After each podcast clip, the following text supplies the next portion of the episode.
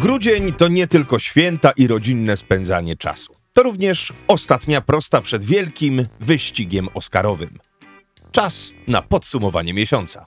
Konrad Korkosiński, I Piotr Maszorek. a to jest ten podcast filmowy. Jaki ładny wstęp! Proszę bardzo. No Musiałem go teraz e, delikatnie zmodulować, bo nie miałem dopisane czas na podsumowanie miesiąca, co już jest tradycją. Kochani, ten odcinek będzie bardzo intensywny, ponieważ tyle punktów programu, przez które musimy przejść, to nie mieliśmy chyba nigdy. Oj tak, więc e, żebyśmy nie tracili czasu, Tak, szybko! pamiętajcie, tutaj wyskoczą wam subskrypcja, Klikać, klikać. e, Nie w like. ten przycisk, klikać pod okienkiem z odtwarzanym filmem, ponieważ słyszałem, że niektórzy klikają na ten przycisk, który się wyświetla na filmie. To jest tylko symboliczne przedstawienie tego, co O. musicie zrobić pod spodem, pod okienkiem. Okej, e, także e, kochani, wchodzimy w nowy rok i e, pomóżcie nam stworzyć fajny, duży kanał, żebyśmy mogli dostarczać wam jak najwięcej treści. Zapraszam również na naszego Patronite'a i na Spotify Premium, żebyście dostawali jak najwięcej dodatkowego kontentu. No i właśnie, kochani, kochani, kochani, dzięki temu, że się rozwijamy, możemy również czasem was obdarować. Ale zanim was obdarujemy, to jeszcze jedno małe ogłoszenie. Już za tydzień czyli 9 stycznia będzie odcinek specjalny. Wspominaliśmy już o nim wcześniej, bo dwa dni wcześniej, czyli trzy dni wcześniej, 6 stycznia, Trzy dni. wybija, uwaga, czwarta rocznica tego podcastu filmowego. To był dźwięk trąbki, której nie mam. Nie masz tak, ale brzmiało bardzo dobrze. Cztery lata. Jesteśmy z wami cztery lata. Wy jesteście z nami cztery lata. Jest was coraz więcej. Bardzo się cieszymy, że, że niektórzy są z nami od początku i chcecie dalej z nami być. E, Codziennie dołączają do nas nowe osoby. Teraz również na YouTubie możecie nas widzieć. Jest to nasz, e, nasz pomysł na rozwijanie e, tych naszych treści. No i stało się. Tradycyjnie albo nietradycyjnie, bo ten Q&A był tylko raz i on był Tak. chyba dwa lata temu. No czekaliśmy na taką większą rocznicę, stwierdziliśmy, że nie możemy co rocznica robić Q&A, ale być może to faktycznie stanie się tradycją. Także, kochani, zadawajcie pytanie. Możecie te, zada- te pytania zadawać wszędzie, możecie je zostawiać w komentarzach na YouTubie, możecie zostawiać je w komentarzu na Spotify, na, pod postem, który będzie opublikowany pod tym odcinkiem na Facebooku, na Instagramie, również w wiadomościach prywatnych. Wszystkie te pytania zbierzemy do kupy i w odcinku Q&A będzie on trwał tyle, ile będzie potrzeba. Postaramy się na wszystkie te pytania odpowiedzieć. Bardzo się cieszymy. Jeżeli nurtuje was coś, macie jakieś... e, e, Coś już od dawna chcieliście zadać nam pytanie, to teraz jest na to najlepszy moment. Możecie popytać o przyszłość tego kanału, możecie popytać o pomysły, jakie mamy na rozwijanie się, e, co robimy w wolnym czasie, czy lubimy bardziej podgrzybki od borowików, cokolwiek wam przyjdzie do głowy. Zadawajcie pytania, z przyjemnością na wszystkie odpowiemy. Oczywiście to mogą też być pytania filmowe, to mogą być O, nasze mogą. wczesne prognozy oscarowe, Oczywiście. albo to może być najlepszy film, jaki widzieliśmy w zeszłym roku, Tak. chociaż to niedługo później się dowiecie, jakie są nasze typy na zeszłoroczny rok 2023, ale wszystkie chwyty dozwolone, absolutnie wszystko. E, Nie przewidujemy gości specjalnych w tym odcinku rocznicowym, czyli tak od razu ukrócam wszystkie pytania. Bigle nie będą obecne na tym. Słusznie. To by było mega. E, także tak, ten temat mamy zamknięty. Przejdźmy do następnego, bo zanim porozmawiamy sobie o polecajkach i podsumowaniu miesiąca, to jeszcze przed nami kilka rzeczy. Drugą sprawą jest oczywiście rozwiązanie konkursu. Dziękujemy za wszystkie odpowiedzi. Zasypaliście nas nimi na YouTubie i y, mieliśmy niemały problem, aby wytypować zwycięzców.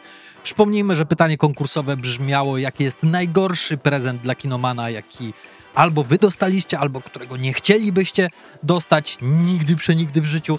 I nagrodami w tym konkursie była książka MCU, czyli książka poświęcona historii kinowego uniwersum Marvela i tej wytwórni dyrygowanej przez Kevina Feigiego. E, Drugim, e, drugą nagrodą w konkursie jest płyta z Blu-ray z filmem Barbie polskiej wersji językowej. Natomiast trzecią nagrodą, według Konrada najlepszą, według mnie wcale nie, e, jest e, kubek tego podcastu filmowego. Ja nie mam tego kubka, właśnie zdałem sobie sprawę. Bo nigdy nie chciałeś go mieć. Bo... E, tak, kubek tego podcastu filmowego i od razu wam e, damy taką informację, że przez to, że było tak dużo... a, a szukałem go przed...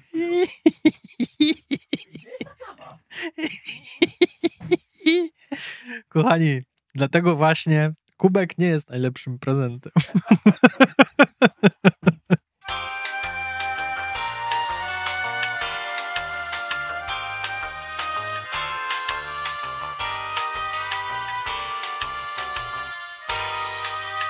Wow, wow, wow, wracając. Teraz muszę usiąść tak, żeby w kadrze było w porządku. Wracając. Ze względu na to, że tych komentarzy było bardzo dużo i były bardzo ciekawe, stwierdziliśmy, że dorzucimy jeszcze jedną nagrodę i zdublowaliśmy nagrodę Kubek. Chcieliśmy nagrodzić więcej osób, więc y, wybaczcie nam, że trochę naginamy nasz regulamin. Y, Po, po dyskusjach z Piotrem ustaliliśmy, że, że chcemy to zrobić, więc Kubek pojedzie do dodatkowej osoby. Dobrze, nie przedłużając, oto zwycięzcy naszego kolejnego, to chyba będzie drugi konkurs? No i chyba nie. Chyba więcej. Okej, dobra. Konk- każdym razie- Konkursów na naszym podcaście myślę, że było już spokojnie z 10. Już tak? Mhm. Okej, no dobrze. Pierwsza nagroda wędruje do użytkowniczki Szosiek8863, która odpowiedziała w następujący sposób. E, Najgorszym prezentem, jaki mogłabym dostać i z którego raczej bym się nie ucieszyła, to jakiekolwiek polskie komedie romantyczne na Blu-ray lub plakaty z tego typu filmów. Najzwyczajniej w świecie nie mogłabym znieść codziennego oglądania tych białych i powtarzalnych plakatów. Zapewne po dostaniu takiego plakatu po cichu bym go zwinęła i udekorowała nim odbęty mojej szafy. Tak samo zapewne skończyłaby płyta. Poprosiłaś o kubek i kubek po to, abyś mogła pić herbatę podczas słuchania podcastów, tak jak to określiłaś, wędruje do ciebie. Gratulacje, zgadzam się całkowicie. Przekonało mnie w tej odpowiedzi to... nie o- pozalewaj się. nie mierz wszystkich swoją miarą, Konrad. Przekonało mnie w tej odpowiedzi przede wszystkim e, aspekt plakatowy, ponieważ zgadzam się, że to jest e, zbrodnia, która się dokonała na polskiej szkole plakatu. To, co się dzieje z tymi komediami romantycznymi i tymi prawda. chusteczkowymi, źle skomponowanymi, źle zrenderowanymi plakatami z Gdzie jest Andrzej Pągowski? e, No comment, no comment. Dziękuję bardzo za ten komentarz. Kubek wędruje do ciebie. Tak jest. E, teraz druga nagroda i to będzie drugi kubek. I przeczytamy to z Piotrem na rolę. E, użytkownik nikiem Olewni15 napisał Najgorszy prezent świąteczny dla kinomana? Na to pytanie odpowiem w formie scenki. Czekaj, muszę wejść w swoją postać. Początek grudnia. Kocyk, kakao i zepsuty telewizor. Nagle dzwoni telefon.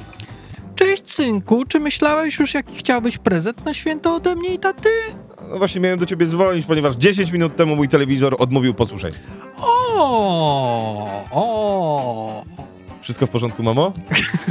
miałam udar. To teraz będzie... Cofnij. Jeszcze. O, to teraz będziesz miał więcej czasu na czytanie książek. Ja zmierzałem raczej do tego, że może przez kolejne 3, lat, 3, 3 lata nie dostanę prezentu, ale w tym roku kupicie mi wspaniały telewizor z jakością 4K. 20 dni później. Mieszkanie rodziców, kolacja, wigilia, choinka i otwieranie prezentów. Moje myśli. Jakie ogromne pudło. Nareszcie spełni się moje marzenie i będę mógł oglądać filmy w jakości 4K. Usłyszałem swoje imię. Biegnę czym prędzej, żeby zedrzeć papier z mojego 65-calowego TV 4K i nagle pod rozerwanym papierem pojawia się napis Manta Full HD 43 cale. Ma mamo, ten prezent jest chyba źle podpisany. Nie, nie, no jest taki, jaki sobie wymarzyłeś, czyli 4K, kolorowy, kształtny, kosztowny i może czas na zaśpiewanie kolendy? Jeżeli chodzi o ewentualną nagrodę, Bóg się rodzi! film lub kubek bardzo mnie ucieszą. Nie jestem poliglotą. Olewni 15, kubek wędruje do ciebie. Ja tylko chciałem zaznaczyć, że marka Manta to kiedyś była bardzo ważna marka w moim życiu, ponieważ kiedy jeszcze nie pracowałem, albo dopiero co zaczynałem pracować, finansów nie starczało, Manta odtwarzała Diviksy. Manta odtwarzała DivXy i e, to były bardzo tanie odtwarzacze Tak. I, i jakby spełniały wszystkie moje oczekiwania. Jeden z pierwszych odtwarzaczy, jaki miałem, to był właśnie odtwarzacz Manty, Ja tak aczkolwiek samo. całkowicie się tutaj zgadzam, że jakbym teraz dostał telewizor Manty, nawet, no, pomijając fakt, że to jest telewizor i to trzeba doceniać, no to jednak to by był ból i tutaj bardzo dobrze wcelowałeś w nasze upodobania, jeśli chodzi o jakość materiału wideo, który odtwarzamy w naszym kinie domowym. Dokładnie tak. No dobrze, to teraz przechodzimy, teraz przechodzimy do kolejnego prezentu. Ja przeczytam, gdyż będzie to książka. I napisał do nas Ficjusz. Ficjusz napisał. Mógłbym takich prezentów wymyślić kilka, gdyż mam w sobie nutkę świątecznego Grincha. I dla żartu coś głupiego, na przyjaciół, dla przyjaciół pewnie zawsze znajdę, ale w myśl przysłowia niósł wilk razy kilka, moją odpowiedzią będzie prezent, który sam dostałem. Z racji, że jestem zagorzałym kinomaniakiem, otrzymałem kartę Unlimited do Cinema City. Do najbliższego mam ponad 100 km. Książka i wesołych świąt. Wesołych świąt. Nic już wesołych świąt. Książka o MCU idzie do ciebie. No to został nam film na Blu-rayu Barbie. Piotrze, czyń honory. Film Barbie w polskiej wersji językowej na płycie Blu-ray wędruje do KR Wroblewskiego, który napisał Wydaje mi się, że najgorszy prezent dla kinomana to znowu najtańsze TV z Allegro. Dlaczego? Bo z jednej strony ktoś wydał już kwotę niemałą i się zaangażował, ale ty masz świadomość, że wszystko będzie na tym telewizorze źle wyglądało, a z drugiej strony nie można go ukryć w szafie i wyciągać, jak ten ktoś, kto ci go sprezentował, będzie cię odwiedzał. Problemy pierwszego świata wiem. I znowu całkowicie się zgadzamy i znowu tutaj nagradzamy ten e, telewizor, ale tutaj do, doszedł jeszcze ten jeden element faktycznie problemu, e, co z tym telewizorem zrobić, ponieważ nie możesz go tak po prostu sprzedać, nie możesz go nigdzie ukryć i faktycznie jest to bardzo problematyczne, dlatego film wędruje do ciebie. Serdeczne gratulacje. I tak to wygląda, kochani.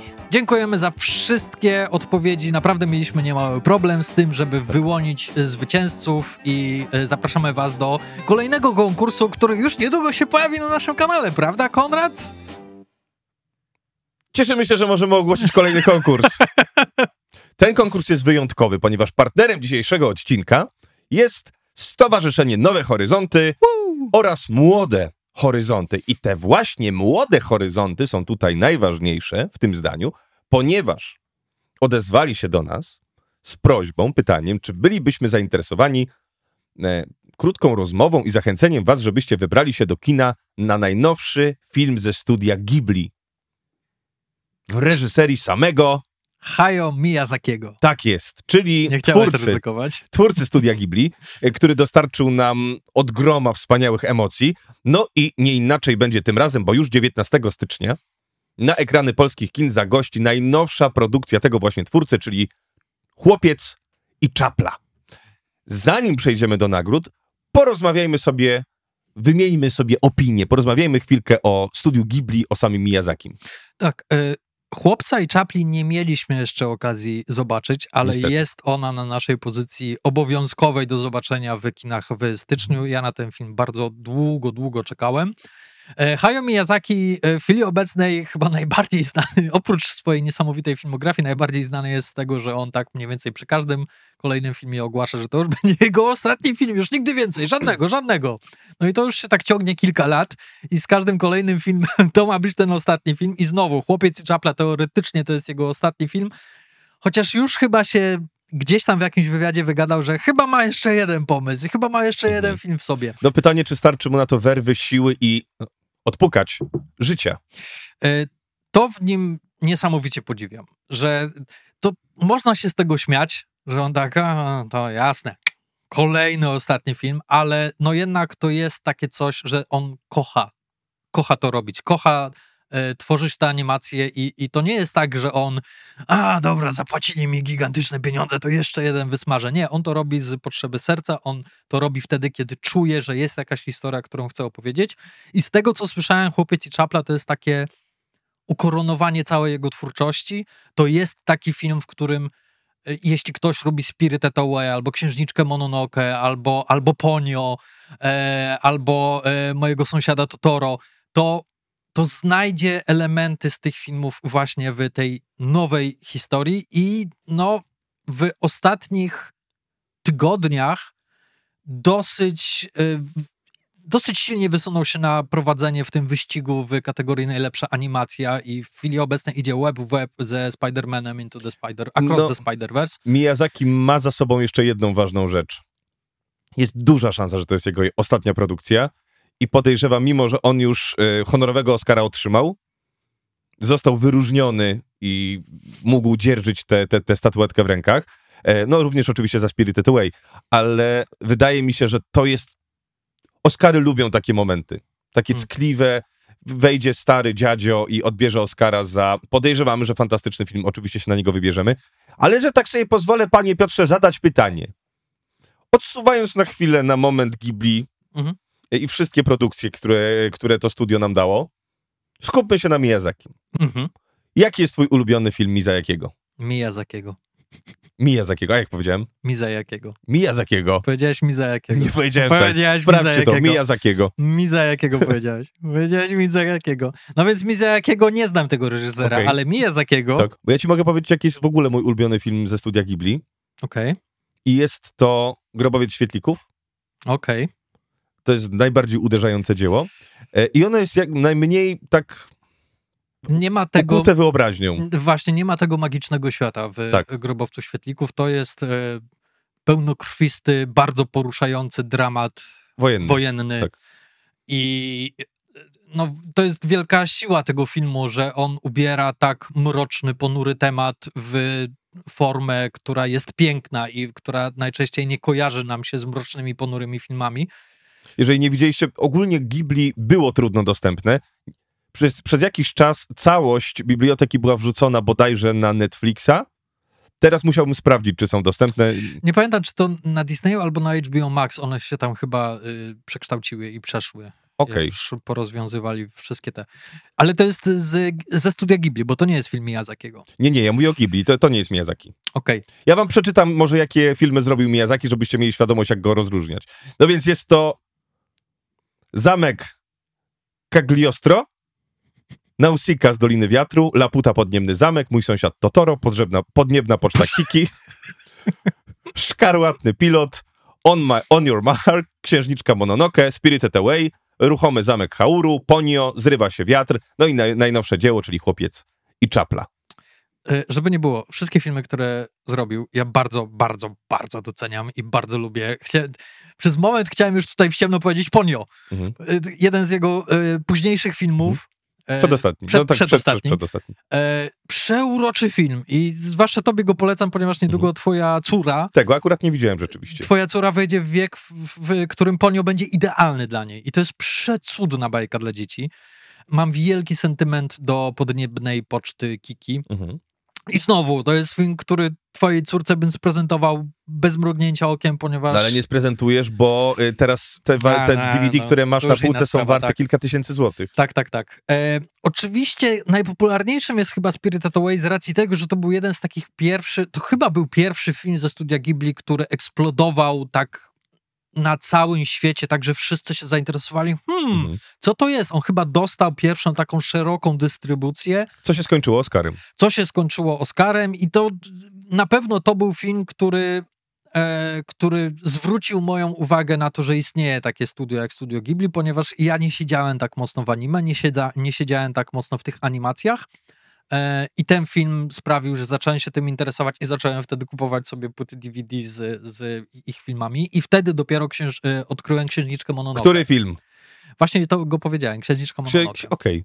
E, Wiem, że mój sąsiad Totoro jest, jest bardzo Mhm. wysoko na wielu listach i nie tylko jakby zwykłych widzów, ale także i twórców. Bardzo wielu reżyserów ze studia Pixar stawia mo- mojego sąsiada Totoro jako najlepszą animację ever. Ale mimo wszystko Księżniczka Mononoke to jest bardzo mój vibe, to jest takie fantazy, świetnie zrealizowane kino wojenne, z pięknym przesłaniem, jest bardzo krwawe, bardzo, bardzo dorosłe i to, co już chyba kiedyś mówiłem na którymś z odcinków, uwielbiam Studio Ghibli za to, że oni kreują świat, ale w taki sposób, ten animowany, wymyślony świat, który nie istnieje, że ty chcesz tam, ty czujesz Mhm. się jakbyś tam był. Czujesz zapachy tego świata, czujesz temperaturę tego świata. Y, Niesamowite. O Ghibli chciałbym powiedzieć jedną rzecz. Można, można im zarzucać wiele. To się może podobać, styl się może podobać, nie podobać, y, forma może się nie podobać albo podobać, ale nie można zarzucić im tego, że to nie jest najbardziej szukam słowa fantazyjne naj, studio z największą wyobraźnią, które do dzisiaj tworzy filmy. Każdy z tych światów, każdy z tych filmów, tak jak na przykład mieliśmy wielokrotnie rozmowę o Disneyu, że jest odtwórczy, że już próbuje doścignąć swój własny ogon, Ghibli nikogo nie goni. Oni robią film rzadko, ale każdy z tych filmów jest wyjątkowy. Chyba nie widziałem żadnego złego filmu, żadnego filmu, który mnie, który by mnie rozczarował tak kompletnie. Jest jeden i to jest jedna Mhm. z ostatnich produkcji. Ona chyba rok albo dwa lata temu się pojawiła i to jest pierwsza produkcja, którą oni zrealizowali w technice animacji komputerowej 3D. Okej. E, ponieważ oczywiście wszystkie filmy ze studia Ghibli są ręcznie rysowane, oldschoolowo, tak jak to kiedyś bywało. E, natomiast właśnie ostatnio oni zaprezentowali swój pierwszy film z grafiką komputerową i nie widziałem tego filmu, ale podobno y, jest zły. Po Mhm. prostu jest zły. Ja w E, ogóle pierwszy film Ghibli, jaki widziałem, to Powrót do marzeń, który Właśnie- pożyczyłem od ciebie i on jest dla mnie w klimacie, wiecie jakiego filmu? Naszego ulubionego filmu tego roku, czyli e, Past, Past Lives. Lives. Właśnie chciałem rozwinąć swoją odpowiedź, ponieważ e, Księżniczka Mononoke to jest mój ukochany film Miyazakiego, natomiast mój ukochany film ze studia Ghibli. To jest właśnie Powrót do marzeń, ponieważ to jest piękna historia i przepięknie opowiedziana, która tak ładnie wykorzystuje medium animacji do Tak. tego, aby opowiedzieć coś wzruszającego na temat naszego dzieciństwa, na temat naszych pierwszych zauroczeń, na temat y, tych wszystkich wydarzeń, które nam się przytrafiają w podstawówce i które nas kształtują na całe życie i jak, jak sobie dopiero później, jako dorosły człowiek o nich przypominamy. Wspaniały film. Po co zadałem to pytanie Piotrkowi, który film, który film i czemu powiedziałem, że mój to Powrót do marzeń? Dlatego, że to was chcemy zapytać i to jest konkurs. Uwaga, ogłaszamy konkurs. Razem we współpracy z e, Stowarzyszeniem Nowe Horyzonty i z Młodymi Horyzontami mamy dla was trzy limitowane plakaty Chłopca i Czapli na specjalnym offsetowym papierze. Hmm. A pytanie brzmi, jaki jest wasz ulubiony film ze studia Ghibli? Nie musi być Miyazakiego, Miyazakiego. Te litery są tak blisko. Ale jednak można to powiedzieć. prawda. Jaki jest wasz ulubiony film ze studia Ghibli? Poprosimy was o odpowiedzi w komentarzu. Oczywiście uzasadnijcie, dlaczego. Dokładnie tak. Może jest jakiś ważny y, moment w waszym życiu, w którym widzieliście te filmy, bo te filmy mają coś takiego w sobie, że e, każdy z nich pasuje na inny nastrój waszego dnia albo w miejsca, w którym jesteście w życiu. Zapraszamy serdecznie do wzięcia udziału w konkursie. Trzy specjalne plakaty będą mogły wisieć u was w salonie. No i oczywiście przypominamy, że 19 stycznia w polskich kinach szeroka dystrybucja kinowa Chłopiec i Czapla dzięki Nowym Horyzont- Stowarzyszeniu Nowe Horyzonty i Młode Horyzonty.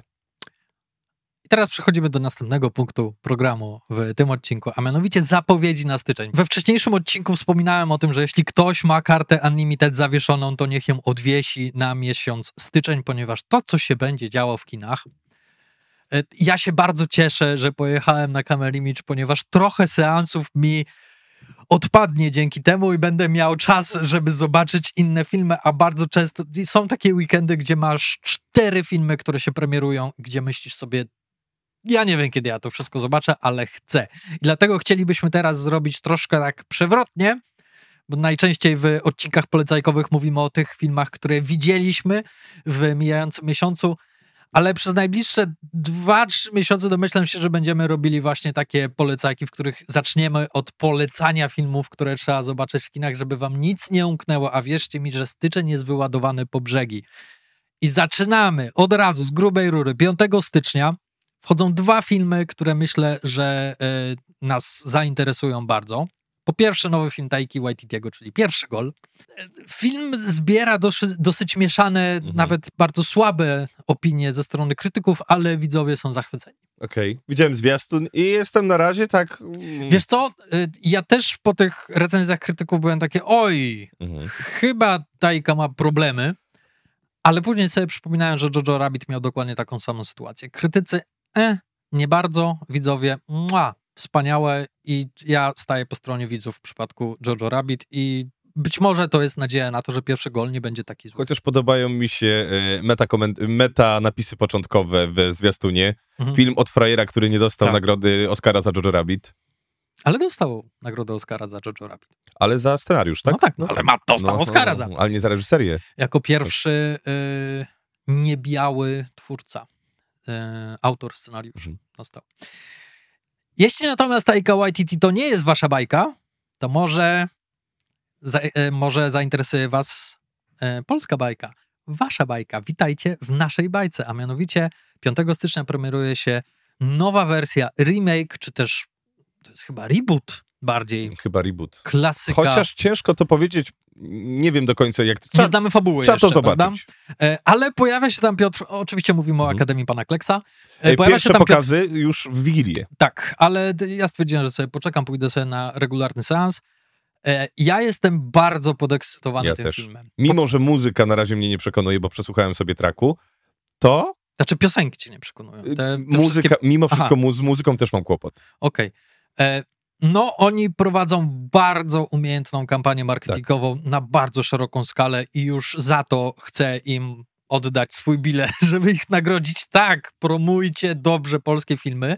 Co prawda te, ten sposób promocji, czyli wypuszczanie coverów, współczesnych coverów, no już klasycznych piosenek z oryginalnego filmu, czy z oryginalnych filmów kilku, no to to jest ryzykowna decyzja, no bo pod większością z tych piosenek są komentarze, nie, to nie jest moja bajka, co oni zrobili z tą fantastyczną piosenką. I faktycznie te covery czasami są bardzo, bardzo, bardzo uspółcześnione, może trochę za bardzo, ale rozumiem, celujemy w nowych, młodych ludzi, którzy takiej muzyki słuchają i to jest bardzo dobry trop. Druga sprawa, ja jestem bardzo zainteresowany, jak sobie poradzą z tym gatunkiem, ponieważ szczerze mówiąc, polskie kino nie jest dobre w tym gatunku filmów dla Nie dzieci. jest, ale kurczę, jeżeli widzieliście zwiastun, to wygląda to bardzo apetycznie. Tak, Kawulski, zobacz. No i co jest ciekawe, pan Kleks jest, je, potrafi być mroczną historią. Mhm. Jestem ciekaw, w którą stronę one pój- oni pójdą i czy, i czy skorzystają z tego, z tej dwuznaczności. Wydaje mi się, że z tego skorzystają. E, dlatego tak, ja jestem podekscytowany i bez wstydu usiądę na sali kinowej i, I, przestańcie z tymi wszystkimi kontrowersjami. To nie jest prawdziwy pan Kleks. Gdzie jest, gdzie jest Adaś? Jaka Ada? Nie. Słuchajcie, świat się zmienia i, i dostosujmy się. Ja się jaram, cieszę się, z przyjemnością pójdę, jestem fanem Akademii Pana Kleksa i podejrzewam, że ten film też mi się spodoba. Tym bardziej, że no, powiem to na głos. Filmy Kawulskiego mi się podobają. 19 stycznia. Kochani, po pierwsze Chłopiec i Czapla, o którym już wspomnieliśmy. Jeśli nie jesteście fanami studia Ghibli i wolicie inny typ animacji, to tego samego dnia wychodzi film Pies i Robot, o którym już rozmawialiśmy w naszym odcinku oktopusowym. Jest to Mm. najlepszy film, jaki widzieliśmy na tegorocznym Oktopusie. Zgadzam się. Prze... Że głosowaliśmy na niego i też e, ten film zwyciężył. Tak, i słusznie.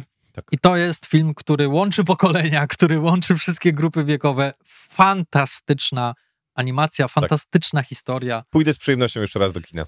Tak. Ja jak szedłem na łąkę do kina i zobaczyłem wielki stand kartonowy z psa i robota w holu Cinema City, to po prostu serce zabiło mi mocniej i zrobiło mi się tak cieplutko. To, to jest taki film. To jest film, który widziałem pół roku temu i jak tylko zobaczyłem coś związanego z tym filmem, to Jak od się razu... słyszy muzykę, czy gdzieś tam jak w radio poleci, to od razu mam takie ojejku. No, E, I rzeczywiście to jest film, na którym człowiek się wzruszy, na którym się uśmiechnie, mimo że nie pada tam żaden dialog. tak. Bardzo, bardzo mądry film, który śmiało może konkurować z filmem Miyazakiego, który się pojawia tego samego dnia. Czyli ja już mam dwie animacje, które w ten weekend będę musiał zobaczyć. Ty 19 stycznia będziesz miał jeszcze do nadrobienia film Biedne Istoty Jorgosa. Lantimosa. Wypatruję. Oj, oj, jest czego wypatrywać i jestem bardzo ciekaw, jak ten film zostaje przyjęty, zostanie przyjęty przez szeroką publiczność, ponieważ to nie jest film dla każdego i jestem w stanie sobie wyobrazić, że ludzie będą wychodzili z tego filmu z kina w trakcie seansu, bo będzie to za dużo. Ale dlaczego warto zobaczyć ten film? Emma Stone, Mark Ruffalo, Willem Dafoe, e, Jorgos Lantimos, który jest, stworzył mistrzowską wizję tego świata. Kochani, pozycja obowiązkowa. Odmrażajcie karty Cinema City, jeżeli macie zamrożone. 26 stycznia. KOS, zwycięzca festiwalu filmowego w Gdyni. Film, na który ja bardzo czekam i wiem, że niektórzy nasi słuchacze, którzy byli na festiwalu e, w Gdyni, serdecznie ten film polecają. I ja nie mogę się doczekać. Widziałem zwiastun, wygląda to imponująco i ciekawie. Mój serdeczny przyjaciel Piotrek Pacek tam gra i też nie mogę się doczekać, aż ten film zobaczę. Może zaproszę Piotra Packa, żeby nam opowiedział tutaj trochę o tym filmie. Byłoby fajnie. I tego samego dnia, 26 stycznia, wychodzi nowy film Aleksandra Payna, czyli The Holdovers, polski Mm. tytuł Przesilenie zimowe. Na to czekam najbardziej. Kochani, ja powiem tak, to jest, to jest mój numer jeden festiwalu Camera Image. I nie zresztą nie tylko mój. I uważam, że to jest zajebisty film. Obejrzyjcie Bezdroża, żeby się przygotować pod ten film. Zróbcie sobie klimat. Zróbcie sobie przedtakt. Czy myśmy powoli dobili do brzegu nazywanego w końcu po chłopaki powiedzą coś o filmach, z, które już zobaczyli i obejrzeli? O filmach i serialach. Hej, ho. Tak? Tak? W jakich serialach? Jest jeden serial, który bardzo chcę polecić, który ty widziałem gadasz? w miesiącu grudzień, ale chyba, szczerze mówiąc, nie muszę długo go polecać, ponieważ on jest tak gigantycznym hitem i tak i tak wszyscy o tym mówią, czyli to tak Jak go naprawdę... widziałem? Nie, nie widziałeś go. A co to za serial? Serial na Netflixie, polski serial. Ach, nie widziałem rzeczywiście. 1670. Tak jest. Proszę bardzo, zacznij. 1670, y, tak jak wspomniałem, Mhm. nie muszę was zachęcać do obejrzenia tego serialu, ponieważ najprawdopodobniej albo go już widzieliście, albo wszyscy dookoła was zachęcają, żeby go obejrzeć i zgadzam się całkowicie ze wszystkim tym, co wszyscy dookoła mówią na ten temat. Jest to polski serial komediowy i w dużym skrócie jest to polskie The Office rozgrywające się w średniowieczu. I faktycznie ta formuła jest bardzo, bardzo w stylu The Office, to jest mockumentary, e, jest e, mokument, przepraszam, skoro już mówimy o polskim To serialu. jest serial mokumentarny. Tak jest. E, mamy tam postać, główną postać, czyli Jana Pawła.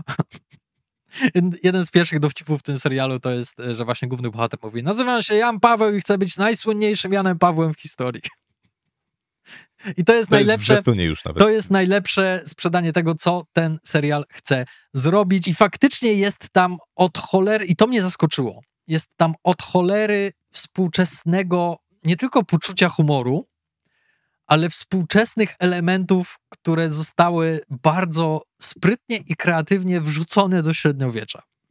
Czyli na przykład jeden ze synów Jana Pawła ma taką drewnianą ramkę z pergaminem, którą przewija sobie Aha, i ona scrolluje. wydaje taki Mhm. dźwięk jak telefon komórkowy. I ja to wyhaczyłem dopiero chyba w trzecim czy czwartym odcinku i miałem takie ale sprytne. Jest tam mnóstwo nawiązań do równouprawnienia, do Marszu Równości, do e, katastrofy klimatycznej, która się zbliża. Czyli ten serial bardzo odważnie nawiązuje do naszych dzisiejszych czasów przez pryzmat właśnie średniowiecza. E, ja powiem tak, nie zawsze ten humor do mnie trafia, ale zawsze jestem pod wrażeniem, jak świetnie to jest zrobione pod kątem filmowym, jak świetnie ta komedia jest przedstawiona, jak to jest fajnie zmontowane. Już pierwszy odcinek tak świetnie wykorzystuje format komediowy w montażu chociażby. E, Jak fajnie niektóre dowcipy są sprzedawane zwykłymi cięciami, czy przebitkami na jakieś inne rzeczy. Poza tym wygląda to mua, Mm. przecudnie. Ja nie wiem skąd oni wzięli na to budżet, ile to musiało kosztować.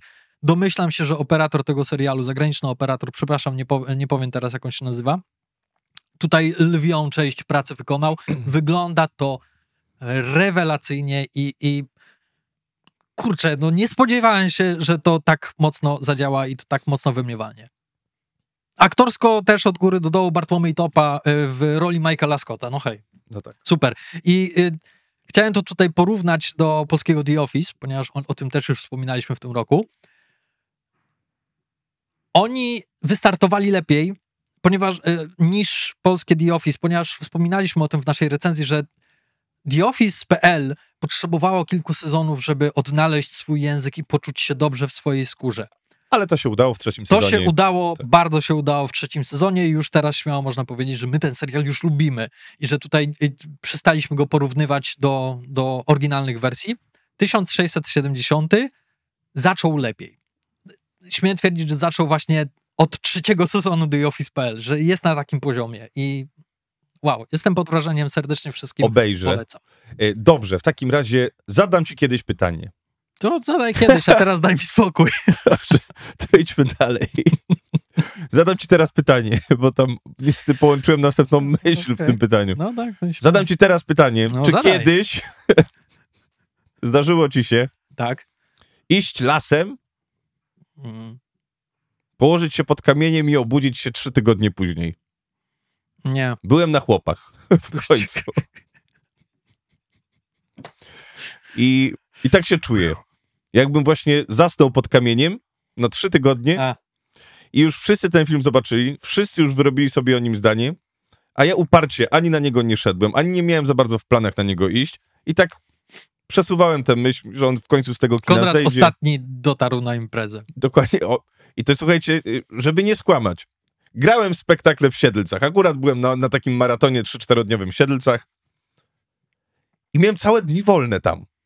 Grałem dwa poranne spektakle i potem miał, miałem cały dzień wolny. I tak, co w tych Siedlcach robić? Oprócz tego, że, że The Office dzieje się w Siedlcach.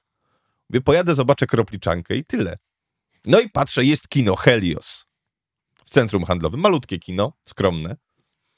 Sprawdziłem, co grają. Patrzę, grają chłopów. Mówię, no dobra, jak już jestem, to los wyciąga mi y, bilet i mówię, pójdę, wejdę. Poszedłem do tego centrum handlowego, przekąsiłem coś, wszedłem do kina. Mówię, dzień dobry, poproszę bilet na chłopów. Na co pani mówi? W którym miejscu? Mówię, no, nie wiem, niech mi pani pokaże. Pani mówi, może sobie pan wybrać, co pan chce, całe kino jest wolne. Fiu, fiu, fiu. Zobaczyłem chłopów sam, samiucieńki, na samym środku, w pięknym miejscu, mały ekran, ale chciałbym wam coś powiedzieć o chłopach. Bo nawet moi znajomi, którzy są wielkimi fanami kinematografii, oglądają przeróżne filmy i zachwycają się, na chłopów nie poszli. Z jakiegoś powodu, e, chłopi, co tam można jeszcze opowiedzieć? Widziałem serial, serial super, e, ale chłopi, chłopi, to raczej takie skierowane pod, pod e, licealistów. Mówię, też tak myślałem. Welshmanowie zrobili arcydzieło. Byłem na tym filmie już jakieś dwa tygodnie temu, półtora, dwa tygodnie temu. Wy co słuchacie w styczniu, więc minęło dużo więcej czasu, bo to był początek grudnia, kiedy zobaczyłem. Dawno nie widziałem tak spektakularnego filmu. I w tym filmie wszystko się zgadza. Ja wiem, że są różne kontrowersje e, i tutaj chciałbym wywołać do tablicy pana Tomasza Raczka, którego szanujemy i, i, i, i doceniamy. Perły z lamusa, kochani, wszyscy wiemy. Facet, który nauczył nas, jak rozmawiać o filmach. I powiem coś bardzo kontrowersyjnego, ale weźmy to jako żart. Dobra, nie bierzmy wszystkiego, wszystkiego na poważnie. Perły z lamusa, a tu się okazuje, że Wow. perły przed wieprze po prostu. Myślałem, że I- ty pójdziesz w stronę lamusa. Nie, perły przed wieprze. E, przykro mi jest, że wyszła taka kontrowersja i że pan Tomasz Raczek dopuścił się takiego czynu. Moim zdaniem karalnego. I ktoś, ktoś powinien się tym, tym zainteresować, bo doszło do jakiegoś niebywałego pomówienia, znaczy, z którego nawet pan Tomasz Raczek no, się nie no wycofał. po prostu e, fakt, że się nie wycofał z tego i że nie To przeprosił, ponieważ to jakby Bo każdy do swojej opinii do jest jakichś tam popełnianie błędów. Tak, do, do swojej opinii i do powtarzania jakichś tam niesprawdzonych informacji. No zwłaszcza, że dostał taką informację od kogoś, kto pewnie bił się w pierś, że on doskonale wie, co tam się działo, ponieważ był animatorem, bla, bla, bla, bla, bla. No okazało się, że jest to nieprawda. Rozumiemy taką sytuację, każdemu może się zdarzyć, no ale powinno się mieć chociaż odrobinkę przyzwoitości i stwierdzić, że okej, przepraszam, ta informacja, której się uczepiłem, nie była prawdziwa Tak. i tyle. A chodzi tutaj o tą sytuację, jak animatorzy, jakie mieli warunki pracy i ile im naprawdę płacili. No i AI. I AI, co też e, okazało się nieprawdziwe i taką kaczką dzie- dziennikarską. E, no, wyszło na to, że pan, pan Tomasz Raczek e, jest jakby tak, szuka dziury w całym. Tak. Tym bardziej, że akurat przy takim filmie, który zasługuje na to, żeby, żeby mówić o nim ciepło i żeby ludzie go zobaczyli jak największą ilością. Nie szukać tych kontrowersji, to jest jakieś takie strasznie małostkowe. Jeżeli jeszcze jakimś cudem, kiedy słuchacie tego w styczniu, ten film jest dostępny w kinach, nie róbcie sobie tego, że zmarnujecie tę okazję, jeżeli jeszcze się nie zdecydowaliście. To jest jeden z ulubionych filmów moich tego roku. E, Aktorstwo stoi tutaj na najwyższym poziomie. E, Kamila Urzędowska, już panu Piotrowi mówiłem, Ja już słucham od trzech dni. to Tak. jest e, ogromne odkrycie. E, Pan Mirosław Baka, fantastyczny. W ogóle, cóż ta, tam są za rulska, jak pięknie jest ta historia. Oczywiście znajdą się ludzie, którzy powiedzą, ale gdzie chłopi? Cztery pory roku, dwa tomy, co oni wybrali najgorsze rzeczy? Może i tak. Może i Hanka była najważniejszą postacią w chłopach, tak naprawdę. Może, może ta, ta Jagusia była, była jakąś tam, e, jakimś tam powodem, e, punktem zapalnym. Film rządzi się innymi prawami. To jest ekranizacja. Adaptowali ten scenariusz. W sensie książkę adaptowali pod scenariusz. I wybrali to, co moim zdaniem jest bardzo ciekawe w, sposób, w jaki przedstawiają tę historię. Jestem gargantuicznym fanem. Łamie mi się serce, z, mając świadomość, że prawdopodobnie ten film zostanie wielkim przegranym w ogóle nominacji Oscarowych i prawie w ogóle się tam nie pojawi. Jeżeli w ogóle się pojawi, to może max w jednej kategorii, choć nawet pewnie nie w żadnej. Jest Za- to za- najlepszy film tego roku polski, zdecydowanie. A Za- może i nawet najlepszy film polski ostatniej dekady.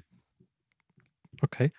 E, Za kampanię marketingową Oscarową odpowiada e, Sony Pictures Mhm. Classics, czyli dosyć, du, dosyć duży gracz I, i być może się uda, aczkolwiek ja już teraz widzę po dotychczasowych nominacjach, jakie się pojawiały, że no raczej chłopi są omijani we wszystkich zestawieniach. I y, faktycznie mnie to boli, ponieważ mm, zgadzam się z tobą, że to jest, to jest, to jest bardzo dobry film.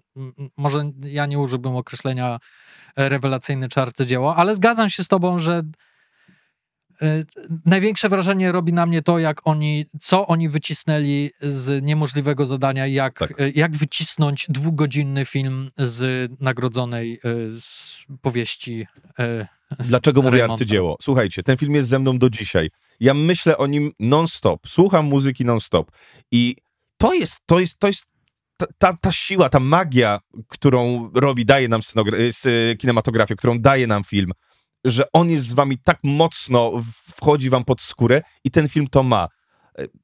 Oczywiście są jakieś, bywają dłużyzny, jest tam, jest w środku, y, jedna z pół roku jest troszkę może za bardzo prze, przeciągnięta i, i można by to jakoś skrócić. Oczywiście mam kilka zarzutów, y, pewne rzeczy można było zrobić lepiej, ale ostatecznie ten film dla mnie jest wyjątkowy, jest, mhm. jest, jest niesamowity i ojejku, takich filmów potrzebuję i takie, takie historie chcę oglądać. Wychodząc z kina pomyślałem sobie, chyba y, mój Vincent jest lepszym filmem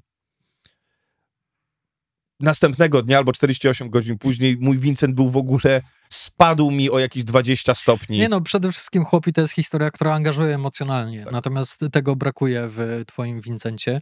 E, I e, Chłopi jest filmem kompletnym, tu się mogę zgodzić, że ja nie widzę tam przestrzeni do tego, żeby zrobić coś inaczej. W tej historii, którą oni wybrali z całej powieści Raymonta, oni nie popełnili żadnego E, żadnego błędu. Ża nie postawili stopy tam, gdzie nie trzeba było stawiać.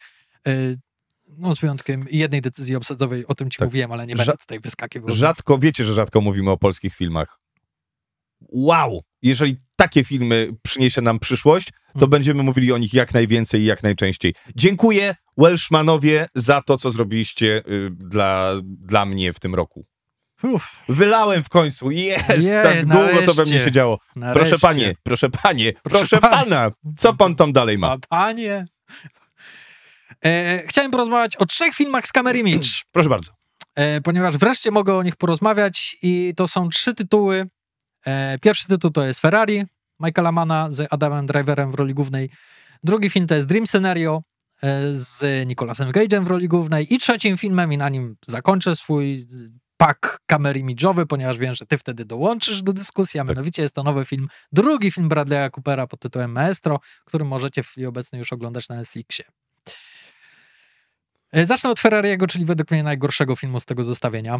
E, jest to film biograficzny, który opowiada o Enzo Ferrari. Coś ten Adam Driver nie ma najlepszej pasy. nie, Adam Driver ma bardzo, ma bardzo dobrą pasję, jeśli chodzi o to, jak ten facet dobiera sobie reżyserów. I ja go tak niesamowicie szanuję, co on robi. E, w sensie, że on miał ten swój moment blockbusterów, czyli konkretnie jednej franczyzy, w którą mhm. wpadł po uszy. Ale mam wrażenie, że ostatnim takim filmem wyjątkowym, Aha. gdzie mógł sobie aktorsko znaczy nie mówię, że szarżować aktorsko, bo to co roku mamy taką, taki przykład, mhm. ale ostatnim takim filmem, gdzie rzeczywiście podziwiałem go aktorsko, to była historia małżeńska. No to wiesz, to nie było wcale tak dawno. No to było ze 4 lata temu. E, tak jak wspomniałem, no wpadł w te Gwiezdne Wojny nie, i, to, i to, był, to, był jego, e, to był jego problem. Dla mnie e, jedynym argumentem, żeby zobaczyć nowy film Michaela Mana to jest Adam Driver, ponieważ e, pomimo tego, że to nie jest wybitna rola, to nie jest rola na, na jego poziomie. E, ponieważ jego stać na zdecydowanie więcej, co niejednokrotnie udowadniał w swoich filmach. E, była jeszcze Anet. E, ty nie widziałeś no. Anet, a w Polski Anet tytuł Aneta. Jest. Pomimo tego, iż to nie jest jego najlepsza rola, to dalej jest bardzo dobra, bardzo solidna rola, w której nie ma fałszu, pomimo tego, iż znowu korzysta z swojego włoskiego akcentu, który znamy z House of Gucci. Ale tutaj zdecydowanie jakby jest jest solidnym leading man, tak, wiodącym hmm. aktorem i faktycznie ma prezencję i faktycznie on jest praktycznie non-stop na tym ekranie i on rządzi tym ekranem i to trzeba podziwiać, ponieważ mało już jest takich aktorów. I, i ja, poszedł, ja poszedłem na ten film z dwóch powodów. Adam Driver, drugi to jest Michael Mann, reżyser, którego bardzo kiedyś doceniałem, który zniknął mhm. E, trochę wpadł w telewizję, tam robił jakieś, jakieś produkcje. No i tutaj to miał być jego wielki powrót do formy. E, zwłaszcza, że Michael Mann umie w historii oparte na faktach. On zrobił Informatora, on zrobił Aliego z William Smithem i e, ja Informatora uwielbiam. Uważam, że to jest Zgadzam się. kurczę rewelacyjny Tak. film. Ile można wycisnąć dramaturgii z takiego, e, z takiej prostej historii. To prawda. E, I serdecznie wam polecam. Jedna z lepszych ról, ról Russella Crowe. I Al Pacino tak samo. To prawda. I Christophera Plamera też. No, Też. s- Tak, kurczę, no świetny film, super, super film. I szczerze mówiąc, chciałbym to samo powiedzieć o Ferrari. Niestety nie mogę. Ferrari dla mnie jest filmem pod linijkę zrobionym, jest nudny. Nie ma tam napięcia, nie ma tam tego czegoś, co Michael Mann umie robić bardzo dobrze, a mianowicie, że jego filmy nie są aż tak spektakularne wizualnie, ale on potrafi cię nagle zaatakować jakąś taką sceną, tak jak na przykład w Gorączce ta scena napadu. Normalnie Gorączka to jest film, w którym bohaterowie gadają ze sobą w pokojach Aż tu i tak nagle. dalej. Aż Tak. tu nagle. Aż- Sypiący się grat pocisków. Tak, aż tu nagle scena ta pierwsza otwierająca, aż tu nagle scena zamykająca na lotnisku. On potrafi takie spektakularne sceny wrzucać. Po cichu liczyłem, że tak samo będzie tutaj, zwłaszcza, że y, kilka lat temu Ford kontra. Ferrari Le Mans y, udowodnił, że można zrobić rewelacyjny film właśnie z takimi scenami pościgu. Nie ma tego tutaj. I nie zgadzam się z tym, za przeproszeniem, zjebem z publiczności Camera Image, który powiedział, zadał pytanie Adamowi Driverowi, że co myślisz o scenach pościgu, ponieważ według mnie są dosyć kiczowate. Puknij się w łeb, zanim zadasz takie pytanie następnym razem. Nie mogę powiedzieć, że są kiczowate, ale mogę powiedzieć, że się nie, jakby nie zrobiły na mnie wrażenia. I zabrakło mi tutaj, zabrakło mi czegoś. To jest taka pod linijkę po Bożemu biografia i nie ma w tym napięcia, nie ma w tym czegoś, tego, tego składnika X, który by mnie przyciągnął i który przyciągał wcześniej w filmach Mana. Czyli tyle mogę powiedzieć na ten temat. Drugim filmem jest Dream Scenario, czyli y, surrealistyczna komedia, nawet powiedziałbym, że bardzo mroczna komedia z Nicolasem Cage'em w roli głównej. I główne założenie... A24. A24. E, główne założenie tego filmu, e, Nicolas Cage gra takiego bardzo nudnego everymana, takiego podstarzałego pana profesora na uniwersytecie, który za dużo w swoim, e, czy nawet to nie jest uniwersytet, to jest chyba zwykła jakaś tam preschool. On jest trochę takim no-life'em, nie zrobił nic ciekawego ze swoim życiem, chociaż cały czas mówi, że chciałby zrobić, że z- e, wreszcie napisać książkę, bo wszyscy jego znajomi, wszyscy jego koledzy już wydali książkę i bardzo często kradli jego pomysły. E, ogólnie jest to bardzo przeciętny facet. I nagle ten bardzo przeciętny facet zaczyna, zaczyna się śnić innym osobom. I zaczynamy od jego córki, później jakiś, jakaś jego znajoma e, ma ten, ma, znowu pojawia się w, jego, w jej śnie. No i to się wymyka spod kontroli, ponieważ śni się coraz większej ilości osób, aż w końcu to się staje globalne wydarzenie, event. E, No i to jest punkt zapalny do tego filmu. I powiem ci wprost, że jest to jedno z największych zaskoczeń dla mnie na festiwalu Camera Image. Ale Mhm. jakich? Pozytywnych czy negatywnych? Bardzo pozytywnych. Okej. Nie spodziewałem się, że ten film tak bardzo mi się spodoba i nie spodziewałem się, że będę tak rył na głos ze śmiechu w tym filmie. To jest przekomiczny film. E, bardzo mądry film, który wykorzystuje ten bardzo taki kaufmanowski pomysł, ponieważ ten pomysł na fabułę kojarzy się trochę z filmami Być jak John Malkowicz albo coś w tym stylu, nie? Że jest taki strasznie dziwny. Mhm. E, I on w, wykorzystuje ten pomysł, żeby iść w zaskakujące rejony, których się nie spodziewasz, które opowiada ci o sławie i zwłaszcza o takim podejściu do sławy bardzo charakterystycznym dla ostatnich, nie wiem, 10 lat. E, I świetnie to wszystko zostało zrobione. Jedyne zastrzeżenie, jakie mam, to jest takie, że zakończenie jest bardzo, nie chcę powiedzieć słabe, jest delikatne. I z jednej strony to może być wielka siła tego filmu. Mnie trochę nie dopieściło to zakończenie Zasługuje na więcej. ale z drugiej strony zdaję sobie sprawę, że bardzo ciężko jest zakończyć tak, takie nabudowanie, tak fantastyczną po prostu orgię, fajerwerki pomysłów i Mhm. kreatywności. Jak Nicolas Cage nie dostanie nominacji do Oscara, to będę bardzo zły na Oscary, ponieważ to jest jedna z najlepszych jego ról i jedna z najlepszych ról zeszłego roku, a zeszły rok był bardzo silny aktorsko, nawet w tej kategorii pierwszoplanowej męskiej. On jest przezabawny. To, jak wykorzystuje swój imaż, który stworzył dookoła swojego aktorstwa, na swoją niekorzyść. E, I to, że to jest Nicolas Cage i jak on nie boi się być żałosny w tym filmie, a ten film tak mocno uderza w to, że Nicolas Cage jest żałosny w tej roli, to jest rewelacyjne. I jest jedna scena, powiedzmy, seksu, czyli ja byłem bardzo zadowolony, e, na której ja się popłakałem ze śmiechu. I to mi się nie zdarzyło w ogóle w zeszłym roku w kinie. Na tym filmie się popłakałem ze śmiechu i przede wszystkim popłakałem się z tego, jak Nicolas Cage jest żałosny i jak on śmiało w to idzie bez żadnej krępacji. E, polecam wam serdecznie ten film. Jest to jeden z najciekawszych filmów zeszłego roku i na pewno będziecie się dobrze bawili i, i nawet jeśli nie będziecie dobrze się bawili, to, to, to będziecie zaskoczeni mądrością tego filmu. Według mnie. I wreszcie trzeci, ostatni film, to teraz już możesz do mnie dołączyć. Tak jest. Byłem w Siedlcach cztery dni i nagle sobie patrzę, co tam jest w tym Heliosie grane. I nagle patrzę, oprócz chłopów, bo nie było nic innego ciekawego, kino konesera. Jeden pokaz kina konesera o godzinie 19 i cóż to za film? Maestro w reżyserii Bradley'a Coopera. Przedpremierowy pokaz, ponieważ Maestro, wy już go możecie obejrzeć, bo od 20 grudnia jest dostępny na platformie Netflix. Ale na początku grudnia to nie było takie oczywiste, żeby ten film gdziekolwiek zobaczyć. I zaskoczyło mnie to bardzo i stwierdziłem, no kurczę, no nie mogę przegapić takiej okazji. Poszedłem. Film Maestro. Opowiada historię, ja powiem e, faceta, a ty powiesz kobietę. Opowiada o relacji. Jaki plan skomplikowany. O, o relacji e, no, znanego na całym świecie amerykańskiego kompozy kompozytora Leonarda Ber Bernsteina i jego żony. Zastanawiam się, czy to nie jest Bernstein. Nie. Nie? Znaczy w filmie jest Bernstein, Bernstein mhm. ale w Polsce mówimy Bernstein. Okay. Więc możemy powiedzieć Bernstein. Leonarda Bernsteina i jego żony. Zofii. Moja żona. Felicia Zofia. E, Montalegre.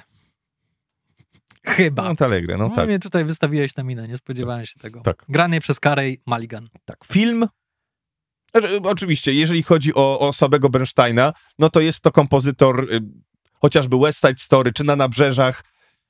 Film otwiera napis, cytat z Bernsteina, mówiący: Dzieło sztuki nie odpowiada na pytania. Ma do nich prowokować. Hmm.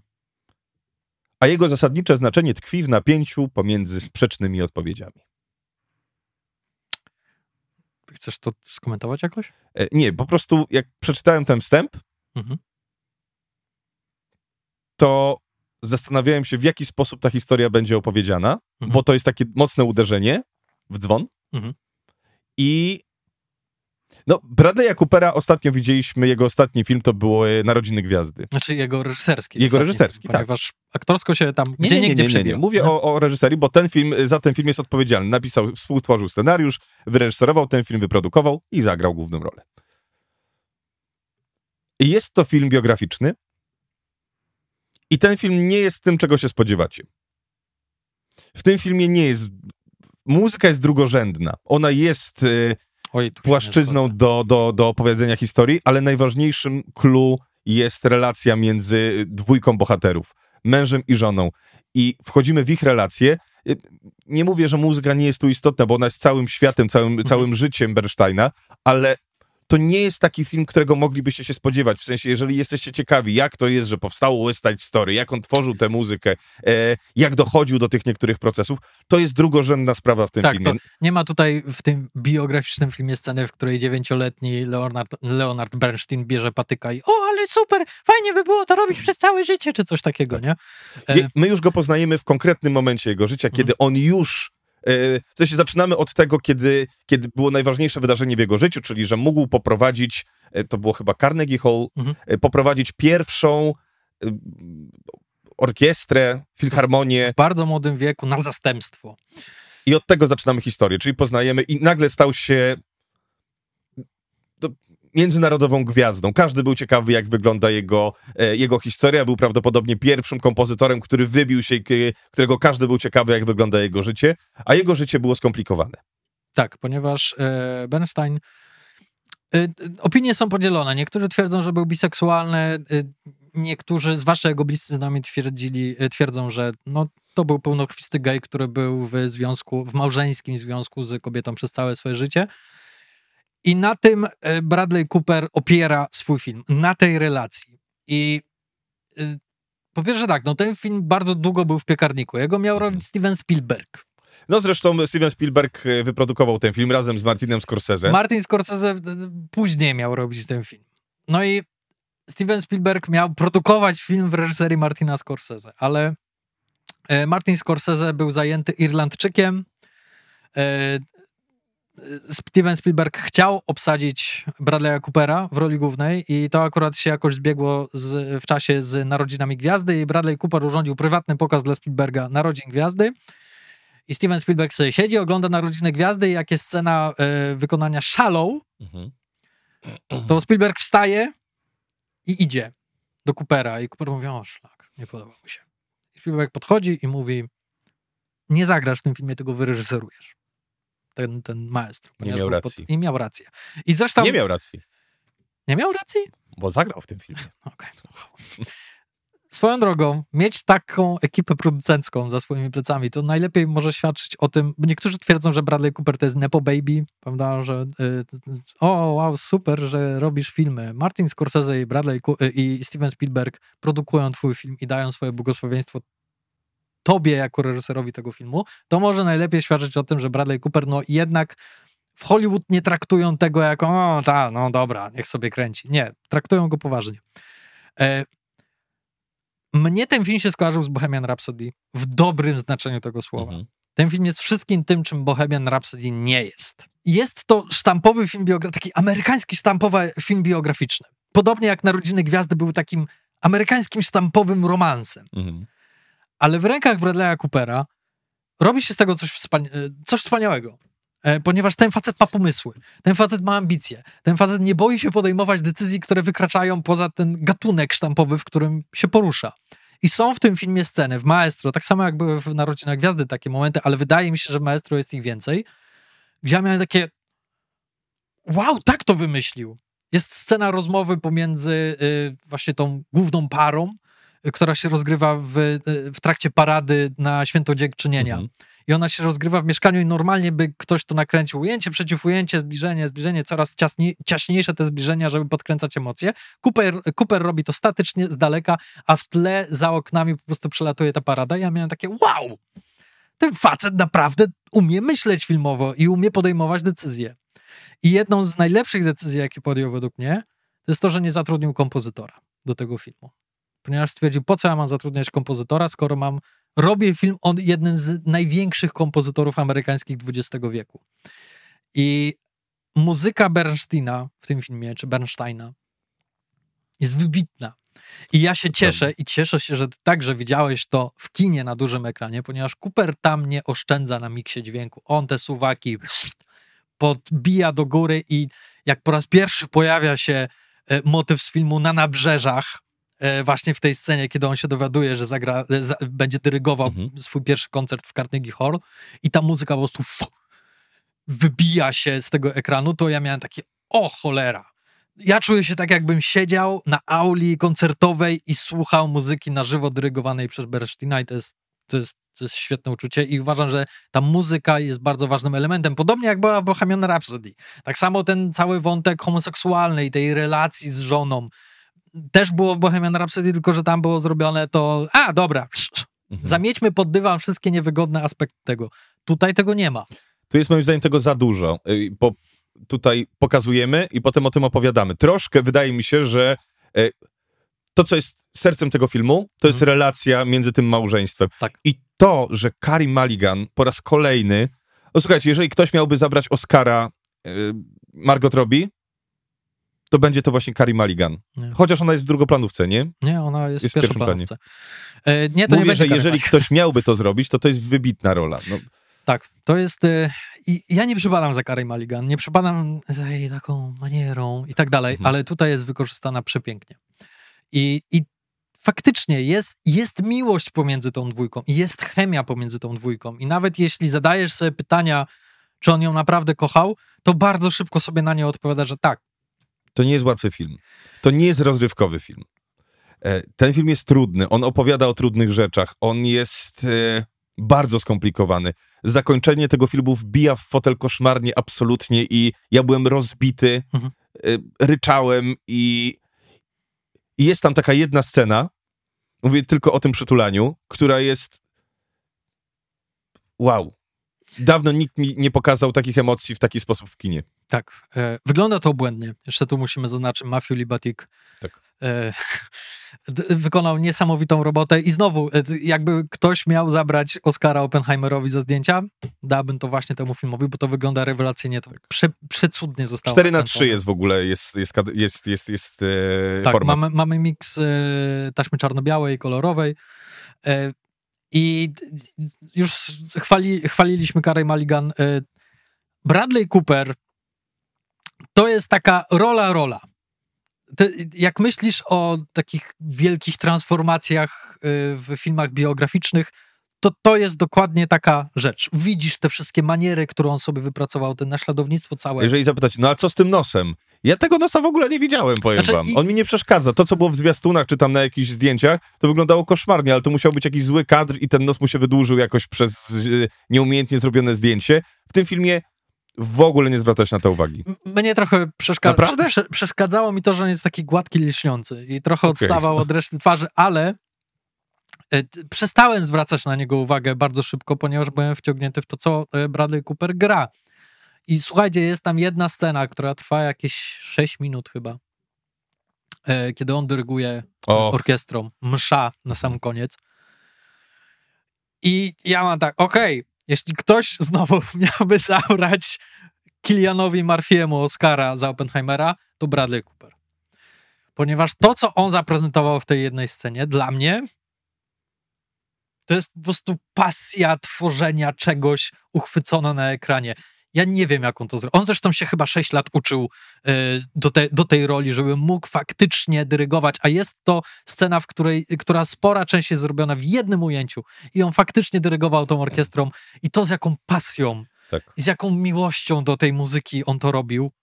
No, ja byłem Dla mnie jest tego trochę za mało w tym filmie. Jak są te elementy, to wbija cię w fotel i masz takie, o kurde, widać, że to jest serce tego faceta i, i że to funkcjonuje, to działa.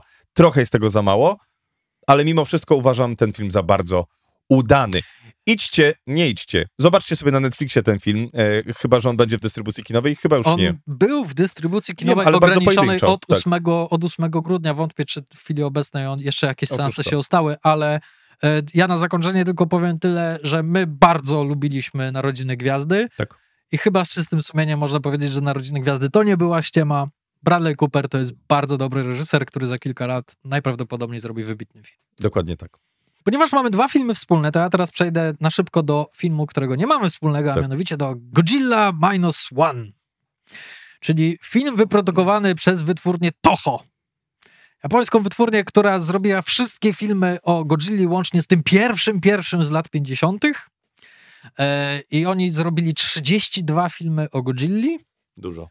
I w 2016 roku oni dogadali się z wytwórnią Warner Bros. oraz Legendary Pic- Pictures, że nie zrobią nowego filmu o Godzilli do 2020 roku, ponieważ nie chcieli kolidować z tymi amerykańskimi wersjami tych filmów. No, 2020 już jest za nami i na 70. rocznicę pierwszego filmu o Godzilli wytwórnia Toho wypuściła 33 film.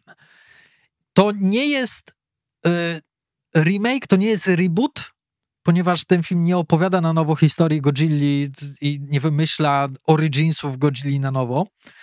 E, ale jest to, ja bym to nazwał filmem Godzilla Początek. On przedstawia wydarzenia, które e, dzieją się pod koniec II wojny światowej, czyli pod koniec lat 40. w Japonii, a jak wiemy Godzilla po raz pierwszy pojawiła się na ekranie w, tam w 50 którymś roku, czyli to jest jeszcze wcześniej. E, I ta decyzja, aby zrobić ten film jako film historyczny, jest świetna. Po pierwsze, dlatego, że przywraca to taki romantyzm filmu o potworach. W, dla mnie w takim znaczeniu, ja uwielbiam te stare filmy o potworach, ponieważ widzimy tam te gigantyczne stwory, które niszczą całe miasta, natomiast ludzkość może się bronić tylko i wyłącznie za pomocą karabinu, albo czołgów, albo jakichś tam y, śmigłowców z czasów II wojny światowej. Y, Trochę mi tego brakuje, czegoś takiego w tych współczesnych filmach o potworach, gdzie faktycznie mamy najnowsze technologie, które wypuszczamy naprzeciwko tych potworów. W tym filmie tego nie ma i bardzo mi się to podoba. Natomiast druga rzecz, która, która bardzo dobrze działa w tym filmie, a mianowicie ten rok 1940 któryś, to nadaje takiego bardzo ciekawego społecznego kontekstu dla tej historii, ponieważ Japonia wtedy podnosi się z kolan po II wojnie światowej. Przegrali. E, odbudowują swoje miasta, próbują rozpocząć swoje życie na nowo. Głównym bohaterem jest pilot kamikadze, który zdezerterował, który wraca do swojej rodzinnej miejscowości, widzi, że jest cała w ruinie, wszyscy jego bliscy zginęli w bombardowaniach e, i jeszcze na dodatek sąsiedzi patrzą się na niego z podełba i traktują go jak wyrzutkę, ponieważ zdezerterował. I tu wszystko jest twoja wina, ponieważ nie walczyłeś. Gdybyś walczył, to być może to by się nie wydarzyło. I w tym momencie pojawia się Godzilla, która znowu te miasta niszczy. Czyli nadaje to takiego kontekstu, że ci bohaterowie mają powód, żeby z tą Godzillą walczyć i to nie jest tylko po to, żeby przeżyć, czy dlatego, że gatunek tego wymaga, ale dlatego, że Japończycy potrzebują zwycięstwa w tym momencie. Oni potrzebują wygrać tą bitwę. I ja byłem z kolegą, z Igorem na tym filmie i on powiedział, że ja nie wiem, czy to jest e, okej, okay, że mamy trzymać stronę Japończyków po II wojnie światowej, że mamy im współczuć w jakikolwiek stopniu, ale twórcy pomyśleli o tym i robią taki myk, że ci żołnierze, ci normalni ludzie, których widzimy na tym ekranie, oni mówią w tym filmie, że my czujemy się zdradzeni przez nasz rząd. Że my właśnie wyszliśmy z wojny, w której nie chcieliśmy brać udziału, nie rozumieliśmy, dlaczego to robimy. I co więcej, nasz rząd kazał nam ginąć w tej wojnie i my za bardzo nie wiemy dlaczego. I dlatego ta wojna, którą toczymy z Godzillą, ma sens, bo przynajmniej wiemy, o co walczymy. Czyli wydaje mi się, że tutaj bardzo fajnie to zrobili. Dlaczego to działa? Bo autentycznie cię angażuje hi ludzka historia w filmie o Godzilli. A chyba zgadzasz się ze mną, że te wcześniejsze, zwłaszcza w ostatnich latach filmy o Godzilli, ich najgorszą częścią są wszystkie ludzkie wątki w tych filmach. Są niepotrzebne najczęściej. Są niepotrzebne, ale przede wszystkim są nudne, no bo widzimy dwa wielkie stwory, które niszczą miasto i co? I ja mam się przejmować tym, że rodzice Emily Bobby Brown biorą rozwód. No wow, super, świetne. Sposób na zaangażowanie. Natomiast tutaj, przez tą historię o przetrwaniu, przez tą historię o takim honorze i takim takiej mobilizacji całego społeczeństwa po II wojnie światowej, ja się zaangażowałem i muszę przyznać, że pod koniec ja miałem ciary i nawet łzy w oczach. Ponieważ się wzruszyłem, ponieważ tak mocno się zaangażowałem w tę historię i, i w tych bohaterów i ja to rozumiałem. E, reżyser tego filmu, który był wcześniej specem od efektów specjalnych, wie jak wykorzystać swój bardzo mały budżet. 15 milionów dolarów ten film kosztował i w wielu miejscach ten film wygląda 100 razy lepiej od praktycznie każdego filmu z budżetem y, ponad 200 albo w okolicach 200 milionów dolarów z Hollywood, jakie widzieliśmy w zeszłym roku, czyli Indiana Jones, Szybcy i Wściekli, filmy Marvela i tak dalej. Godzilla wygląda rewelacyjnie w tym filmie. Oczywiście to nie jest poziom awatara, mhm. ale je, wygląda to bardzo dobrze.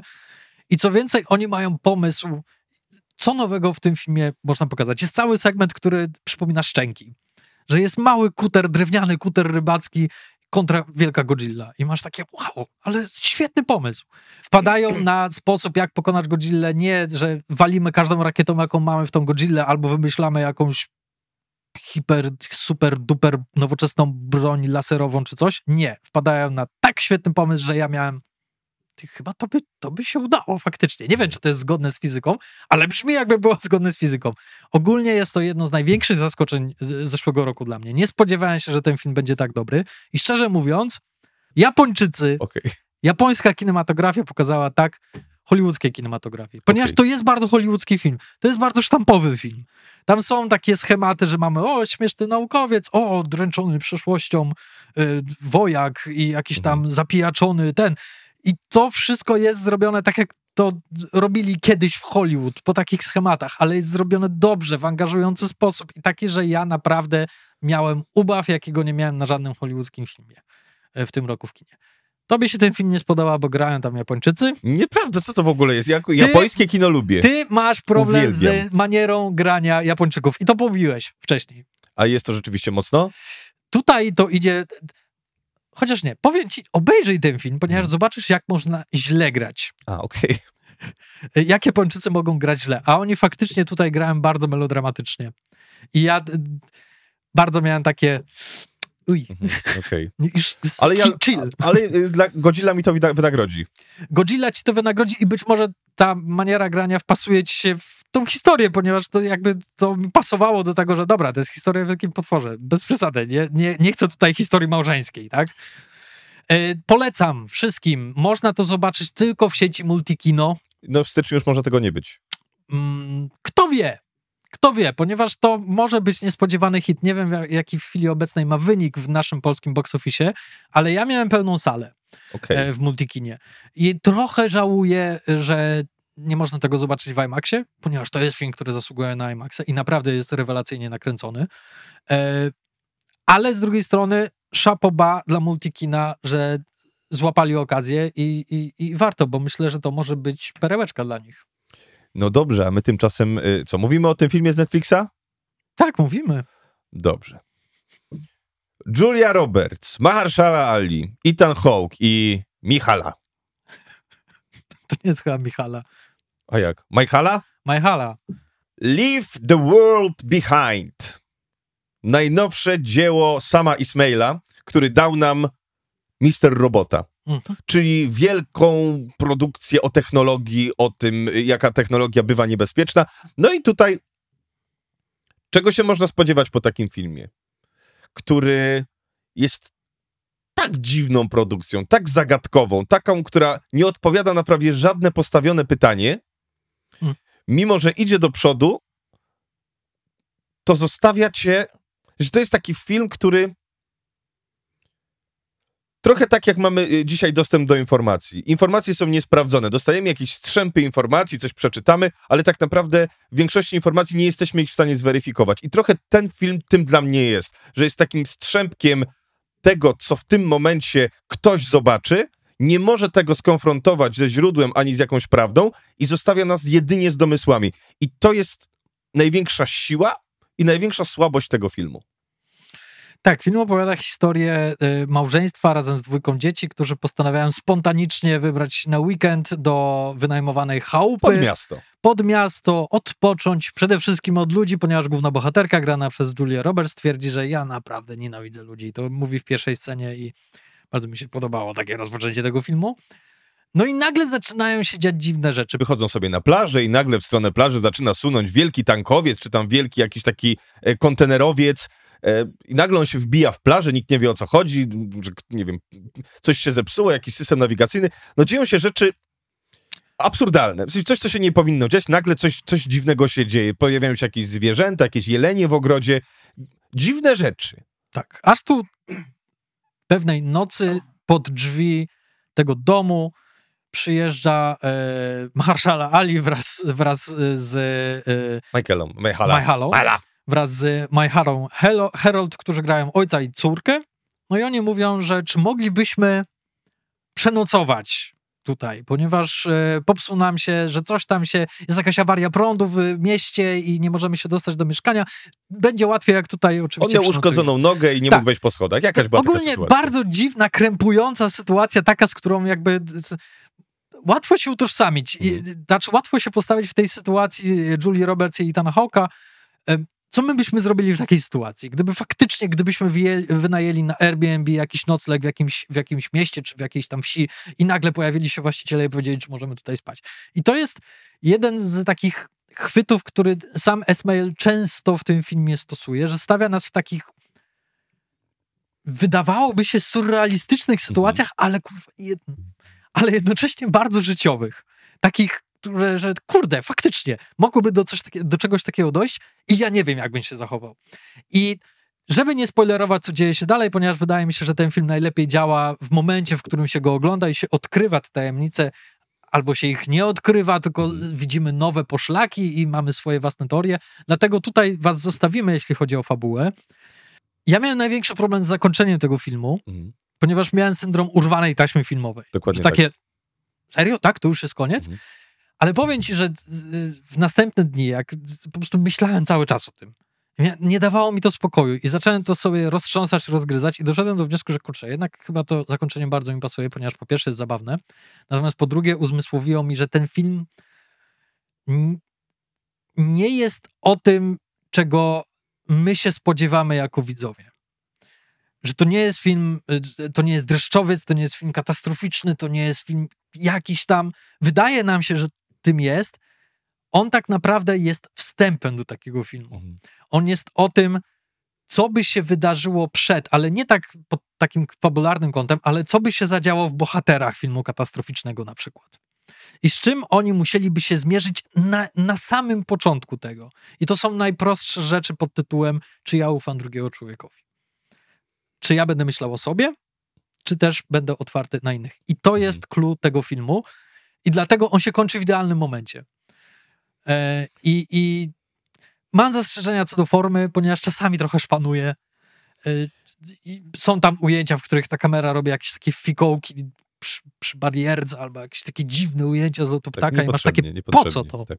Jakby wytrącasz mnie zupełnie z tej fabuły, którą bardzo umiejętnie opowiadasz. Muzyka jest też czasami bardzo na siłę, taka, że masz Nie pasuje, nie pasuje. bać.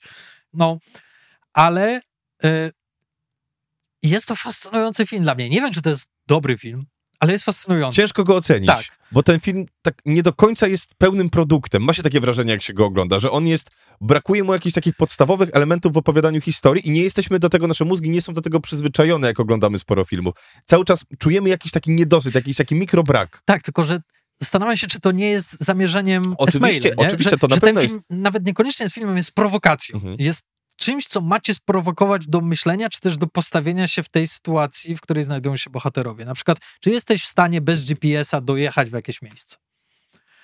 I, i bardzo i bardzo szybko zdajesz sobie sprawę, że hmm, co byś zrobił, gdybyś nie miał filmów na płytach DVD i Blu-ray w niektórych sytuacjach? Czy warto kupić Teslę? czy warto kupić Teslę e, i czy warto, nie wiem, e, zbierać jakieś informacje na temat tego, jak sobie poradzić bez internetu. Mhm. I Znaczy- to są takie rzeczy, które mnie cholernie e, wciągają w ten film. Tylko, że to je- jest coś takiego w tym filmie, co mnie denerwowało mnie to. W sensie ilość postawionych pytań i rozpoczętych sytuacji i wątków, które nigdy się nie kończy, nigdy nie dostają nawet podpowiedzi czy wytłumaczenia. Typu sytuacja w, w tym e, domku narzędziowym, gdzie wchodzą do tak, niego i mówią, tutaj ciekawe, gdzie on po jest. liściach, tak, okej. Co? Kto? A, co? I masz takiego, że jesteś ciekawy. Tak. Bo to jest otwarty, silny wątek, który. I dużo jest takich wygumkowanych Tak. potem, wiesz, motywów, które mnie to po- prostu nie drażni, że moja ciekawość kinomana i jestem ciekawy, Tak, co będzie a- dalej. ale ja znowu, wiem, że zastanawiam się, czy to nie jest ten element prowokacji. Bardzo że, możliwe. Że on zostawia ci mylne tropy, żebyś ty jako widz oczekiwał czegoś, oczekiwał jakichś rozwiązań i sam fakt, że ich nie dostajesz, nie wytrąca cię z równowagi, co jest bardzo dobrą emocją do odczuwania w takiej sytuacji. sprawdźcie, obejrzyjcie film i, i, Jest to i ciekawa zobaczymy, produkcja, naprawdę ciekawa. Nawet nie wiem, czy to nie jest jaki, jakaś forma eksperymentu. Jeszcze tutaj tylko powiem, Mhm. że zaraz po obejrzeniu tego filmu obejrzałem sobie zwiastun nowego e, filmu Alexa, Alexa Garlanda, Mhm. twórcy Ex Machiny, wyprodukowanego przez A24, czyli Wojna Domowa. I ja nie wiem, czy oni się nie dogadali jakoś, ponieważ ten zwiastun Wojny Domowej wskazuje na to, że to mogłaby być bezpośrednia kontynuacja Leave the World Behind. No jeszcze tak naprawdę niedawno dostaliśmy film e, Shyamalana, który Tak, też jest w tym klimacie. Ma te elementy plaży Mhm. i tej takiej dziwności. No zresztą jest sporo stylu Shyamalana w tym filmie. Jest sporo właśnie takiej tajemnicy, e, która cię gdzieś tam uwiera. To jest taki E, najbliższy film temu. Co tak. prawda Shyamalan był bardziej rozrywkowym filmem, ale y, no. Dobra, zostaw świat za sobą, zostaw ten film za sobą. Zostawiliśmy ten film za sobą. Chodźmy Ostatnia na łąkę. pozycja. Tak, chodźmy zjeść czekoladę. Na łąkę. Konrad, czy ty jesteś fanem tego uniwersum? Czy ty widziałeś ten oryginalny film z e, Wilderem? Tak, Nie pamiętam Ginem. jego imienia, z Ginem Wilderem. Tak. My, mi, myli mi się z Billy Wilder, z reżyserem świetnym. Gene Wilder widziałem, ten pierwszy, tę pierwszą. Mhm. To jest psychodela. To jest bardzo mroczny film. Tak. I Widziałem dawno temu, więc nie chcę teraz, teraz tutaj przypominać sobie i, i cytować jakiś scen, bo, bo średnio to pamiętam. E, aczkolwiek py, pytanie numer dwa, bo chciałeś coś rozwinąć temat e, nie, nie, tego. nie, pytaj, pytaj. Druga sprawa, film z Johnem Deppem, który jest znany każdemu, wszyscy znają te obrazy i to jest super film. Super rozrywkowy Berton. Tak, tylko znowu, jest tam jakaś taka mroczna część w tym. Tak. Jest, jest coś takiego Łąka jest niebezpiecznym typem. Tak, te, y, ta franczyza do tej pory, ona balansowała właśnie na granicy takiej niegrzeczności, że z jednej strony okej, okay, to jest dla dzieci, no bo wiadomo, czekolada, kolorki, piosenki, bla, bla, bla. Tak. Ale dla rodziców masz takie, To nie były filmy dla dzieci. Już Tak. samo wejście tego, e, tego filmu z Deppem, gdzie jesteśmy w tej biedzie i... Tak. No ale nawet to, że Johnny Depp się wzorował na Marlinie Mansonie Mhm. przy, przy swojej kreacji, i to, że on tam karze te dzieci za Tak. to, że są nie na żarty, że żują gumę. Tak. I że trzeba ukarać tego dzieciaka. Jest mrok w tym. I, I jest taka dwuznaczność. I w związku z tym, kiedy ogłosili, że zrobią e, Willy Wonka początek, e, no to cały internet eksplodował i powiedział nie. Nie, nie potrzebujemy tego, nie potrzebujemy kolejnego restartu w stylu Disneya i że będą łoili z tego pieniądze i że zrobią to, że wyszlifują wszystkie kanciaste krawędzie, żeby tylko ten film nie był kontrowersyjny, żeby jak najbardziej się sprzedał, żebyśmy mogli robić kontynuację. Oczywiście zatrudnimy największą młodzieńczą gwiazdę, żeby wszystkie y, nastolatki i nastolatkowie poszli na ten film.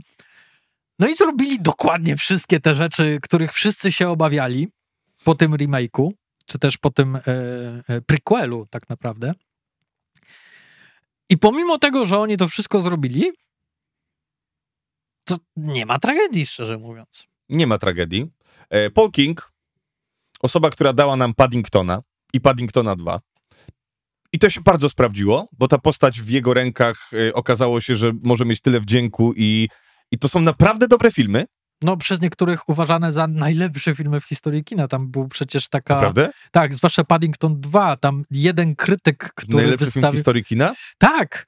Ponieważ, czy też najlepiej oceniany film w historii Okej, kina, ponieważ na. Rotten Tomatoes e, Paddington 2 przez długi czas miał 100% pozytywnych opinii, recenzji i nagle jakiś recenzent wrzucił swoją krytyczną opinię i spadło do 99 i ludzie z widłami na niego się rzucili. Jak możesz, ty człowieku bez serca. Łąka nie jest najlepszym filmem i nie będzie najlepiej ocenianym filmem w historii kina. Tutaj w takim razie nie, nie znałem tej historii o Paddingtonie 2, ale nie, nie, nie, nie uda mu się podbić tego, tego sukcesu. Nie, ale jest to też film, dokładnie taki film, jakiego można by się spodziewać w tej sytuacji, czyli reżyser Paddingtona 2 dostaje gigantyczny budżet, gigantyczną franczyzę z dużego studia, które chce wszystko po Bożemu tak, żeby ten film podobał się babci, dziadkowi, wnuczce, e, wnuczkowi, mamie, tacie, ciotce, wuj- wszystkie grupy wiekowe i każda płeć będzie zadowolona, tak? Wszystko, nic nie będzie kontrowersyjnego w tym. Mhm. I faktycznie taki film dostaliśmy, zrobiony przez tego reżysera. I gdyby nie ten reżyser, ten film pewnie byłby 100 razy gorszy. Byłby do zapomnienia kompletnie. No, no, no, może byłby inny. E, Na pewno byłby inny, ale pytanie, czy nie byłby inny w lepszą stronę. e, ja wątpię, żeby jakikolwiek inny reżyser. Nie wzięliby do tego Tima Burtona. No chociaż nie, dobra. Współczesnego Tima Burtona by wzięli. Ponieważ Tim. Burton nie wzięliby go w życiu. Ponieważ oni nie chcieliby nawet się zbliżać do tego mroku i dwuznaczności, którą znamy z wcześniejszych filmów o łące. Ale mnie tego brakuje. A Mnie, mnie nie, brakuje 2%. Podkręcić to w- 2%. Ten film nie ma w sobie. Nie ma w sobie niebezpieczeństwa żadnego, nie ma w sobie grama, mimo że jest opresja w tym filmie, Mhm. jest tak łatwa do przeskoczenia i tak łatwa do pokonania. Znaczy nie jest łatwa, ale jest bardzo łatwa. jest, jest przyjemnie to pokazane. Nie, ma, nie masz takiego poczucia realnego Muszę zagrożenia. szczerze powiedzieć, że spodziewałem się po tym filmie więcej. Jeszcze jak Piotr, bo Piotr był e, wcześniej ode mnie na tym filmie, powiedział idź na łąkę. Idź koniecznie na łąkę. Poszedłem i nie bawiłem się fantastycznie.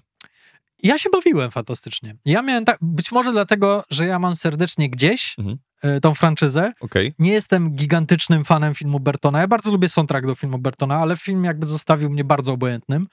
E, klasycznego filmu z Wilderem mm, nie mam wielkiego sentymentu do Mhm. niego i w związku z tym Znaczy ja, ja poszedłem mam, bardzo na czysto. nie mam Niczego, sentymentu. niczego nie spodziewałem się po tym filmie i jedyne moje oczekiwania wzięły się właśnie z internetu, co tam ludzie najbardziej krzyczeli, żeby tylko tego nie zrobili.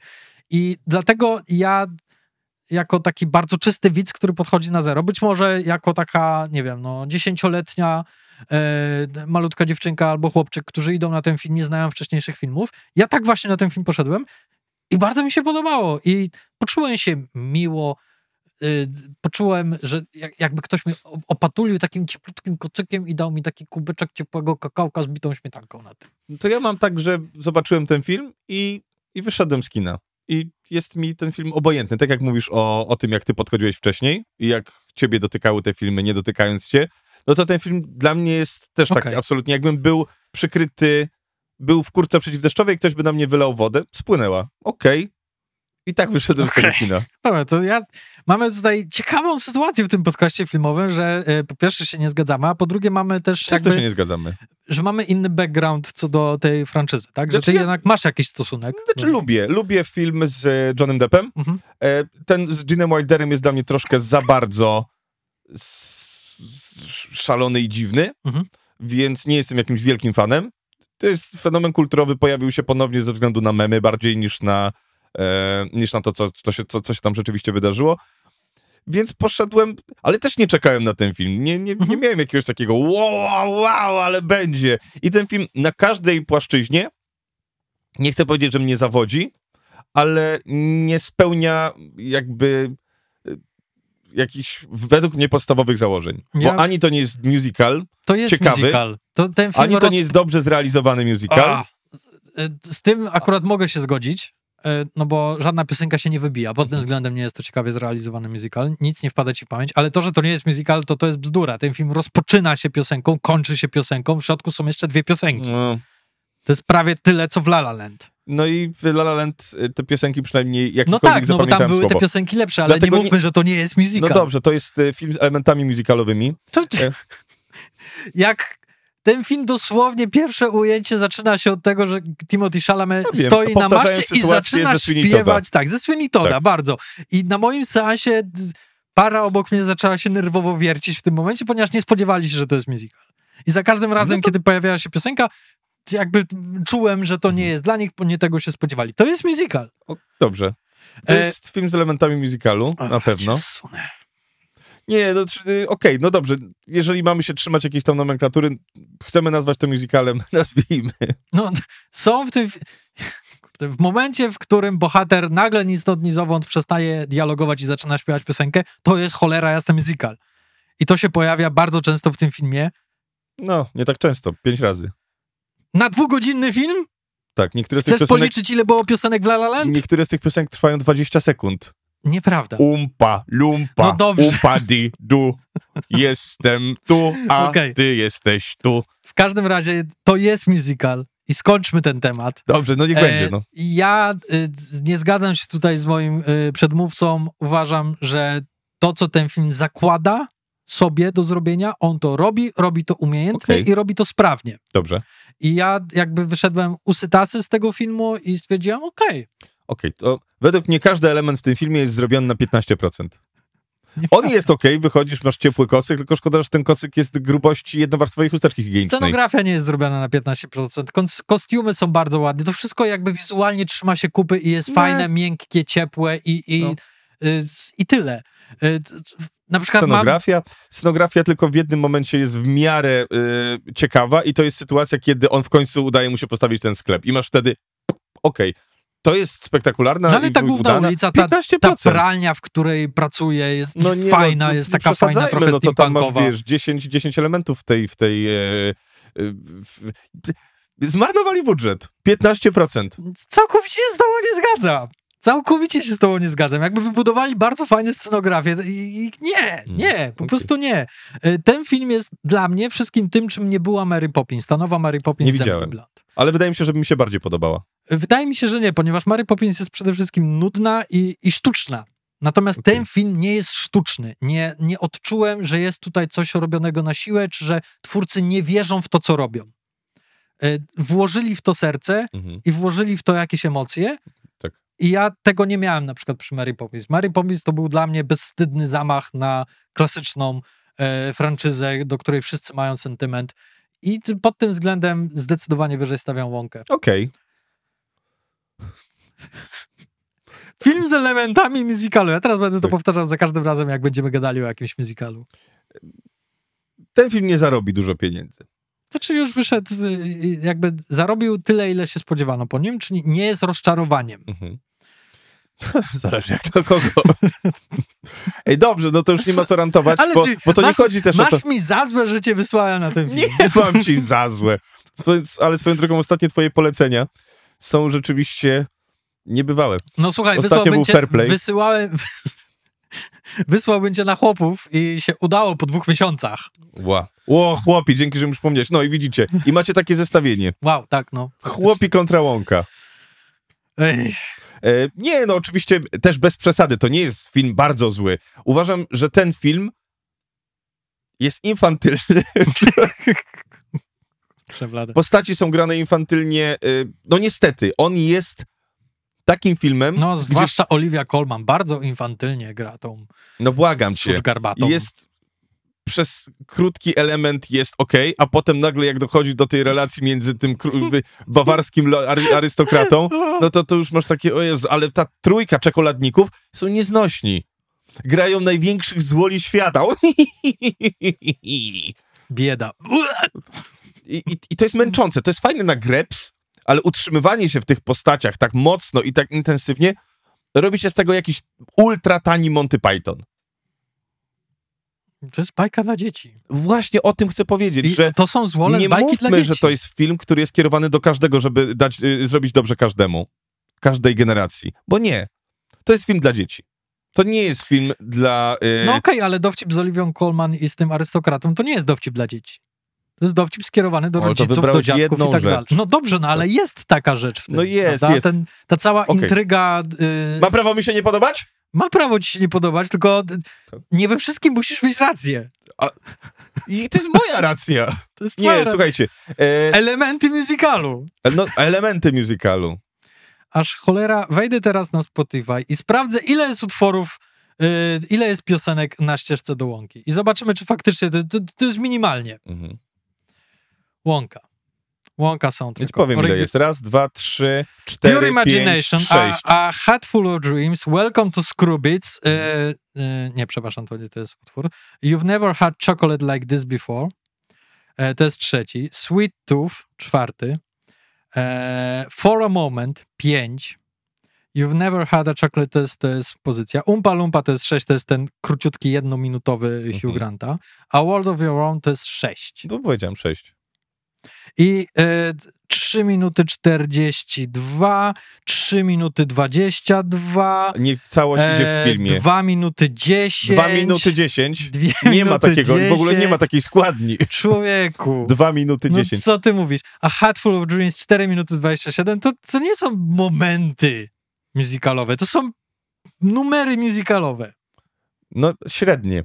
W każdym... Tak, zgadzam się, że są średnie i się nie wybijają, Dlatego- ale nie mów mi, że ich nie ma w tym filmie i że to... Dobrze. Nie, to nie jest musical. Ze względu na to, że te, to jest musical, ale ze względu na y, mierność tych y, utworów zaliczam to do y, słabego musicalu, czyli prawie musicalu, czyli filmu z elementem musicalu. To jest tak, jakbyś powiedział, że Greatest Showman jest... y, To jest musical. To jest musical? To jest A po, musical. podobają ci się piosenki? Podobają. Mówisz, że ci się nie podobają. Mówisz, że to są słabe te piosenki. Lepsze od łąki. Dobrze. E, ogólnie Nie ja jestem na tak, Konrad jest na nie. E, ja uważam, że to jest bardzo fajny film na święta, żeby pójść całą rodziną Trochę i się dobrze czasu. bawić. Idźcie na pana Kleksa. To jest musical. Ta, tak? Tak. To jest musical. Tak. okej. A nie? Dobrze. No ja nie wiem, nie widziałem tego filmu. Widziałeś pierwszą część. A myślisz, że to jest jeden do jednego remake tamtego Wydaje filmu? mi się, że nie, oczywiście, że nie, ale nie zrezygnują z tak silnego momentu, jakim były piosenki. Wydaje mi się, że jeżeli y, to, to jest to, Dobra, zobaczymy. Wi- Piotrek, No co, ja nie wiem. Ja wydawało mi się, że oni te wszystkie piosenki będziemy właśnie wrzucą po prostu na soundtrack, ale że nie będzie scen musicalowych w tym To filmie. tyle na dzisiaj, Kto kochani. wie? Pamiętajcie o tym, że y, partnerem tego odcinka jest, o przepraszamy, Stowarzyszenie Nowe Horyzonty i, y, i Młode Horyzonty, ale tak, y, jest to partner tego odcinka. Pamiętajcie, żeby, że możecie wygrać trzy, znaczy każdy z was jeden, jedna osoba nie dostanie trzech plakatów, ale każdy z was może dostać, są do wygrania trzy plakaty z filmu Chłopiec i Czapla Dry Posters! dla, dla specjal, na specjalnym papierze offsetowym, limitowana edycja. Jeżeli Rarytas. macie ochoty, to jest rarytas, tak. Jeżeli macie ochotę, żeby taki plakat zawisł na waszej ścianie, to weźcie udział w konkursie. E, Pamiętajcie, żeby zostawić komentarz, gdzie chcecie. Oczywiście przypominamy wam też o tym, że już za tydzień Q&A, więc zadawajcie pytania. E, Czekamy na te pytania z uśmiechami na twarzach, a my słyszymy się w przyszłym tygodniu. Cztery lata razem. Oby kolejnych 40. Nie wytrzymam z tobą tutaj 40 lat. Ratunku. Dziękujemy bardzo za wszystkie odpowiedzi. Dziękujemy już teraz z góry za wszystkie pytania, które nadeślecie. Słyszymy się na naszą rocznicę. Do usłyszenia. Trzymajcie się. Cześć.